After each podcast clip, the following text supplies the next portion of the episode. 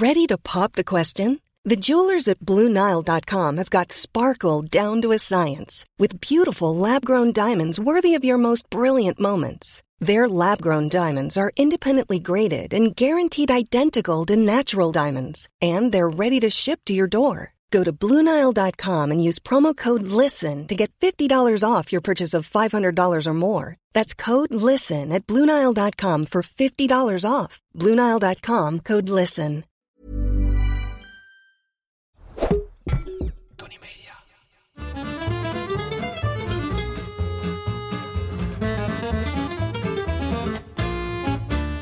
Ik ben Julius Jaspers en ik ben meer dan dol op eten.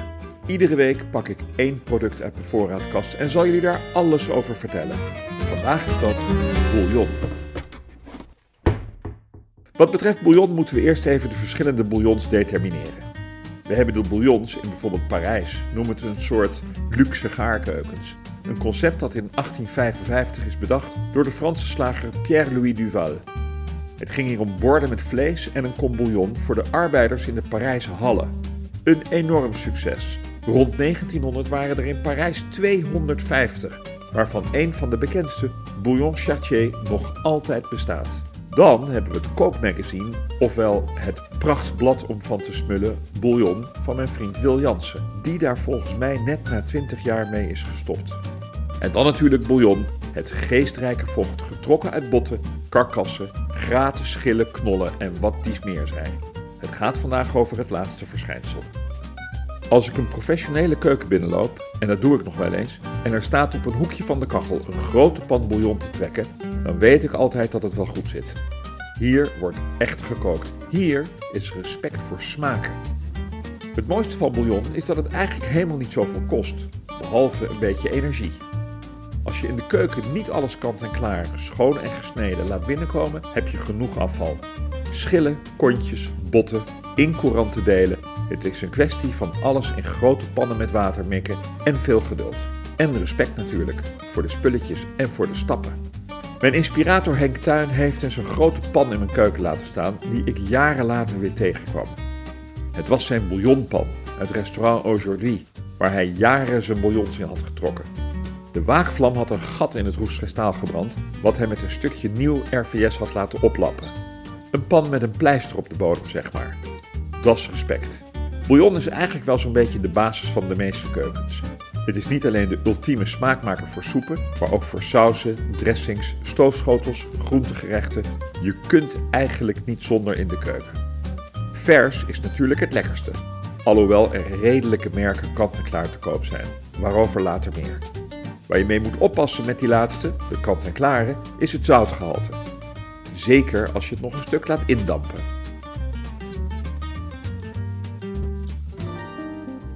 Over de historie van bouillon is niet zoveel bekend, maar ik denk dat dat niet gek is. Je kookt vlees, kip, vis of groente in water en je merkt dat dat kookvocht smaak krijgt. Je vergeet je pot op het vuur en je proeft daags dat het kookvocht nog meer smaak heeft. Hè? Bouillon. Wat wel in de geschiedenisboeken is gedocumenteerd, is dat de manier van eten door de eeuwen heen is veranderd. Was je vroeger op doortocht of kwam je terug van werk, dan stopte je voor een maaltijd bij de lokale herberg. Aan grote tafels zat je met z'n allen zware stoofpotten naar binnen te werken. Rond 1765 kwam er vanuit de medische hoek een dringende advies om minder zware kost te eten. Dat zou beter zijn voor je spijsvertering. De Parijse elite liet zich dat geen twee keer zeggen. En er ontstonden etablissementen waar je een verkwikkend vleesextract, ofwel bouillon, kon drinken. En zo werd de bouillon in één klap razend populair. De oudste bouillon is ongetwijfeld die van odenmeester Sake Funadaiku, die hij gebruikt in zijn restaurant Otafuku in Tokio.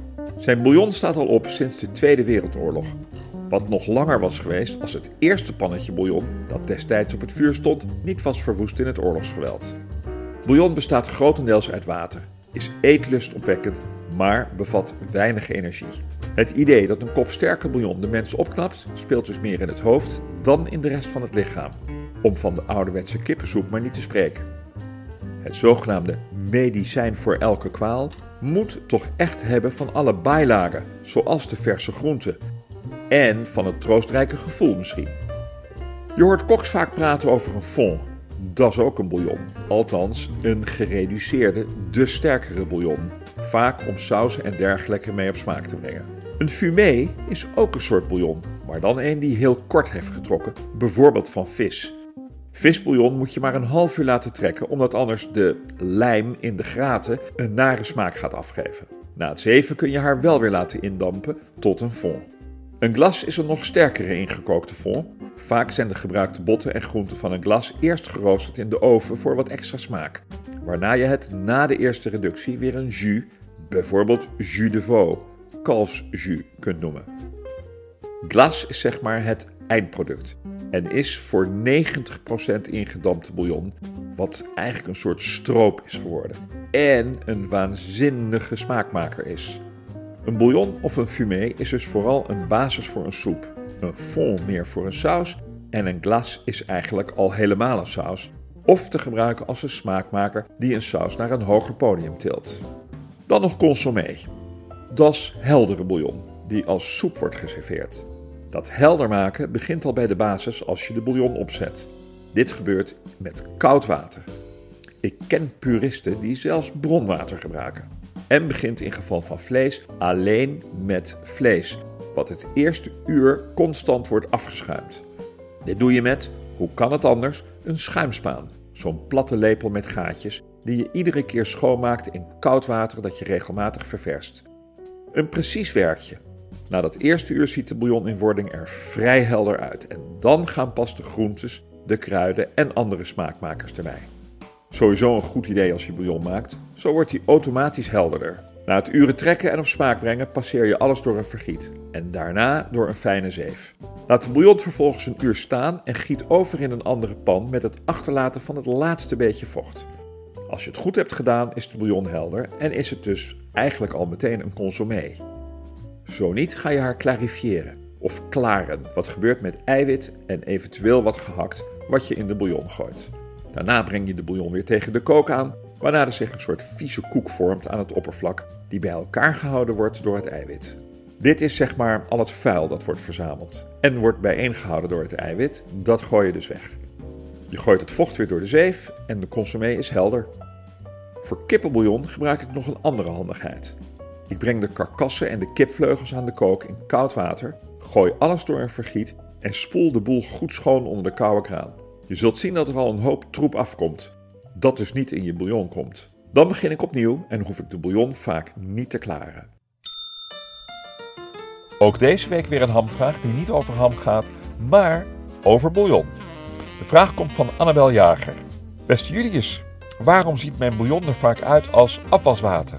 Nou, Annabel, dat uh, kan een aantal oorzaken hebben. Dat kan om te beginnen komen omdat je de bouillon nooit hebt afgeschuimd.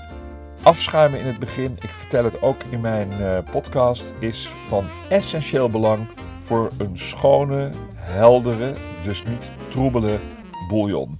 Dat is één reden. Een andere reden kan zijn dat je de bouillon niet hebt laten lullen, maar hebt laten brullen. Dus dat je hem keihard, niet afgeschuimd, hebt laten koken een uur lang. Bubbel, bubbel, bubbel, bubbel. Dan kan hij ook ja, troebel en, en een beetje afwaswater komen. En de derde reden voor die kleur van het afwaswater. Hè, dat is verder, als je het in gebruikt, niet zo heel erg. Uh, maar de kleur die licht is, kan ook komen omdat hij gewoon niet sterk genoeg is. Dus waar het om gaat, rustig aan, rustig laten trekken, goed afschuimen in het begin en laten inkoken, in dampen noem ik het ook wel, tot de smaak oké is. Succes! Zelf bouillon maken, want daar gaat dit verhaal toch wel een beetje over, is altijd lekkerder. Want vooral minder zout. Ik voeg zelf geen gram zout toe als ik bouillon maak en laat de groentes en de kruiden hun werk doen. Graag wel groentes met een beetje smaak. De wups, een veelgebruikte term in de keuken, wat staat voor wortel, ui, peen en selderij, is hier een goede basis voor. Liever geen hele zachte groentes met weinig smaak, zoals bijvoorbeeld courgette. Wil je bouillon kant-en-klaar kopen? Ook prima, maar alleen als oppepper van je gerecht. Ik vind zelf die van de kleine soepfabriek overigens best oké. Tussen de verschillende bouillonblokjes zit weinig verschil. Biologische blokjes mogen alleen geen smaakversterkers bevatten, wat ze dan weer oplossen door wat meer gistextract toe te voegen. Ik ken mensen die ze in grote hoeveelheden meenemen uit Italië, van Star, maar volgens mij zijn die gewoon uit dezelfde fabriek als de rest. In mijn podcast over bouillonblokjes ga ik daar dieper op in. Tot slot. Bouillon maken is een precies werkje. In de professionele keuken zie je vaak een pan op de rand van de kachel staan waar de chefs gedurende de dag van alles ingooien, maar doe dat thuis maar niet.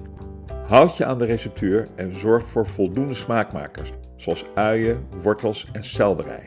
Botten en schenkels, je weet wel, gezaagde runder- of kalfspoten waar je ook ossobuco van maakt, zorgen voor meer smaak. En voor dat licht bindende door de gelatine. Onthoud de wijze woorden van meester Theo van Rens. Niet brullen, maar lullen. Ik werk deze zomer lekker vanuit Canada, midden in de natuur. Ik geef elke week een Canadian touch aan mijn verhaal. Deze week een truc die ik een paar jaar geleden ontdekte toen ik een hoop groenten en wat kipafsnijdsels over had. Bouillon maken in een camper is geen succes. De vrouw klaagt thuis al als ze op zolder de bouillonlucht uit de keuken ruikt. Huizenavondrood schalt er dan door het trapgat. Dus ik maakte in Canada de bouillon op een rustig kampvuurtje in de Dutch oven. Bij gebrek aan groene kruiden en een hoop andere smaakmakers heb ik er maar een flinke schep Montreal Steak Rub doorheen geroerd. Super lekker.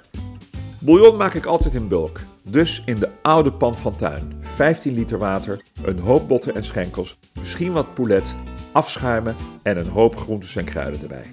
Ondanks dat ik een grote vriezer heb, laat ik na het zeven van de bouillon de boel goed indampen totdat ik minder dan 10% over heb. Het spul wordt dan dik en stroperig en leent zich er geweldig voor om in ijsblokjesbakjes in te vriezen. Ideaal voor later gebruik en je hebt meteen een glas. Buiten de geëikte bouillonpaden zijn er nog wat specials die ik even noem. Wat te denken van heldere tomatenbouillon, het uitlekvocht van rijpe gemalen tomaten. Of palingbouillon van de graten en de vellen van gerookte paling. Of bouillon van zeeslakken van Noma. Of van Wagyu van François Geurts. Of van sardines van Mugaritz. Magnus Nielsen filterde zijn bouillon door een dot rendiermos. En bij de Kloofklap in Londen maken ze haar op smaak met Madeira uit 1908. Dat was hem over bouillon. Maar niet voordat ik je nog even mijn recept geef van de bouillon van mijn vriend Thomas uit de snelkookpan. Topchef receptje. De link staat in de show notes. Wil je meer weten over iets in je voorraadkast? Stuur me dan een berichtje via Instagram. Of ik weet het al, of ik zoek het voor je uit. Maar ik geef altijd antwoord. De volgende keer heb ik het over pizza. Dag.